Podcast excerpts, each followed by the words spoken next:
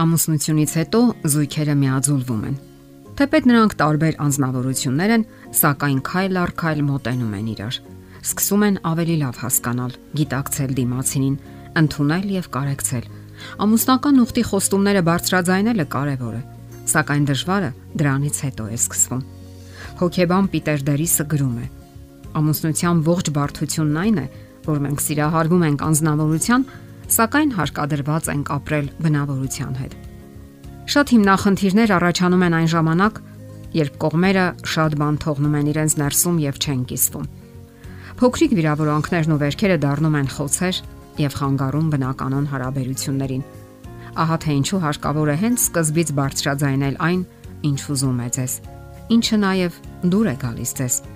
Մի զլացեք նաեւ գովաբանել դիմացինին։ Խոսել այն բաների մասին, որոնք հաճելի են ձեզ համար։ Եթե դուք ընդունում եք ձեր ամուսնուն, մի հետաձգեք այդ ամենի մասին խոսել բարձրաձայն։ Ասացեք այնպես, որ նա որոշակիորեն հասկանա դա։ Մեզանից շատերը մտածում են, որ դիմացինին ընդունելը այնպիսի մի հարաբերություն է, որ անհնար է արտահայտել խոսքերով։ Այո, քանի որ դուք սիրում եք ձեր ամուսնուն, ապա հակված եք մտածելու, որ դիմացինը գիտի այդ մասին եւ ինքնաբերաբար հասկանում է, որ դուք ընդունում եք իրեն։ Սակայն այդ ամենը պետք չէ թողնել հոգու խորքում։ Հասկանալի է, որ ընդունելու ընթացքը սկսվում է մեր մտքերում եւ դրսեւորվում է արարքների մեջ։ Այնուամենայնիվ, այն պետք է արտահայտվի նաեւ խոսքերի մեջ։ Բարձրաձայնեք այն։ Իսկ ինչու մնա ձեր մտքերի մեջ։ Ձեր ամուսնուն ասացեք, որ ընդունում եք նրան, սիրում եք այնպիսին, ինչպիսին նա կա։ Ինչու՞ չասել, որ նա հենց նա է, ում մասին երազել եք եւ ում սпасել եք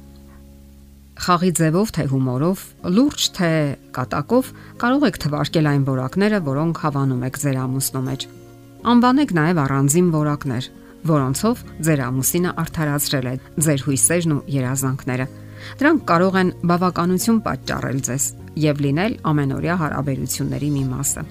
Դրանք կարևոր են հատկապես այն ընթացքում, երբ ձեր կողքինը ինչ որ ձևով վշտացնում է ձեզ կամ երբ դուք եք վշտացնում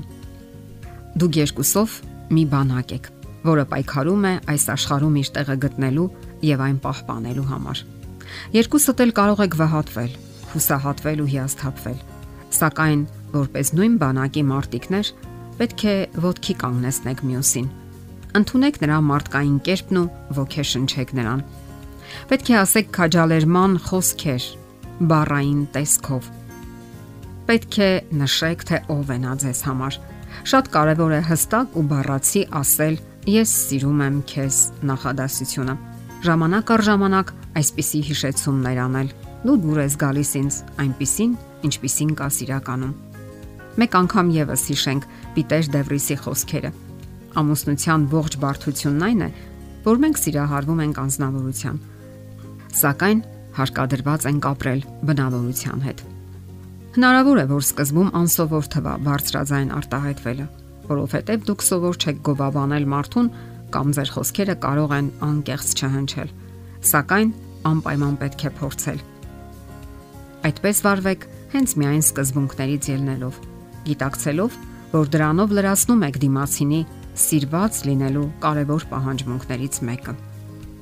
Անհրաժեշտ է, որ ձեր ամուսինը այդ բարերը լսի հենց ձեզանից հատկապես եթե արդեն դուք ունեք հարաբերությունների հիմնախնդիրներ եւ արդեն տուժել եք բացասական սովորությունների պատճառով։ Մի կասկածեք, որ դուք շուտով կտեսնեք ու կհասկանաք, որ ինչքան շատ եք բարձրաձայն արտաբերում այդ խոսքերը, այնքան ավելի վստահորեն եք մոտենում շատ հարցերի լուծմանը։ Իսկ այժմ եւս մի կարևոր գործոն ամուսնական հարաբերությունների մեջ։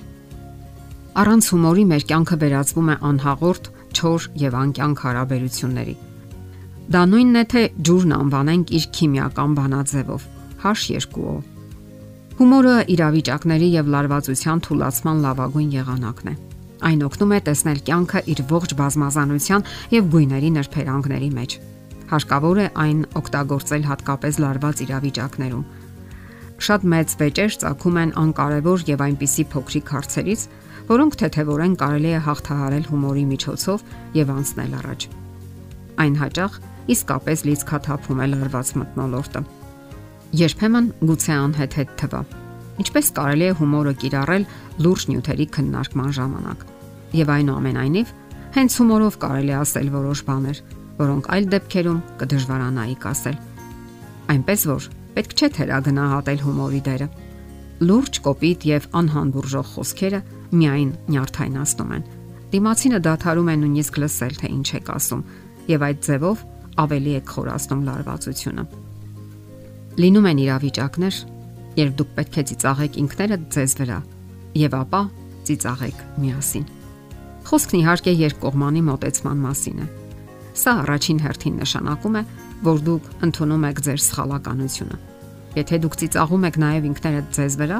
ամուսնու հետ միասին, դա եւս մեկ գործուն միջոց է մտնոլորտը լիցքաթափելու համար։ Ծիծաղն այն հրաշալի միջոցն է, որ ստեղծում է բարիդրացիական հարաբերություններ։ Ուրեմն մտորեք միասին, մտորեք բարձրաձայն, կիսվեք հույզերով եւ տրամադրություններով։ Ոչինչ մի թաքցրեք ձեր ներսում։ Ընթացեք ձեր կենսական ուղին միասին, անկեղծ եւ ազնիվ դիտավորություններով։ Եթերում է ընտանիք հաղորդաշարը։ Ձեզ հետ է Գեղեցիկ Մարտիրոսյանը։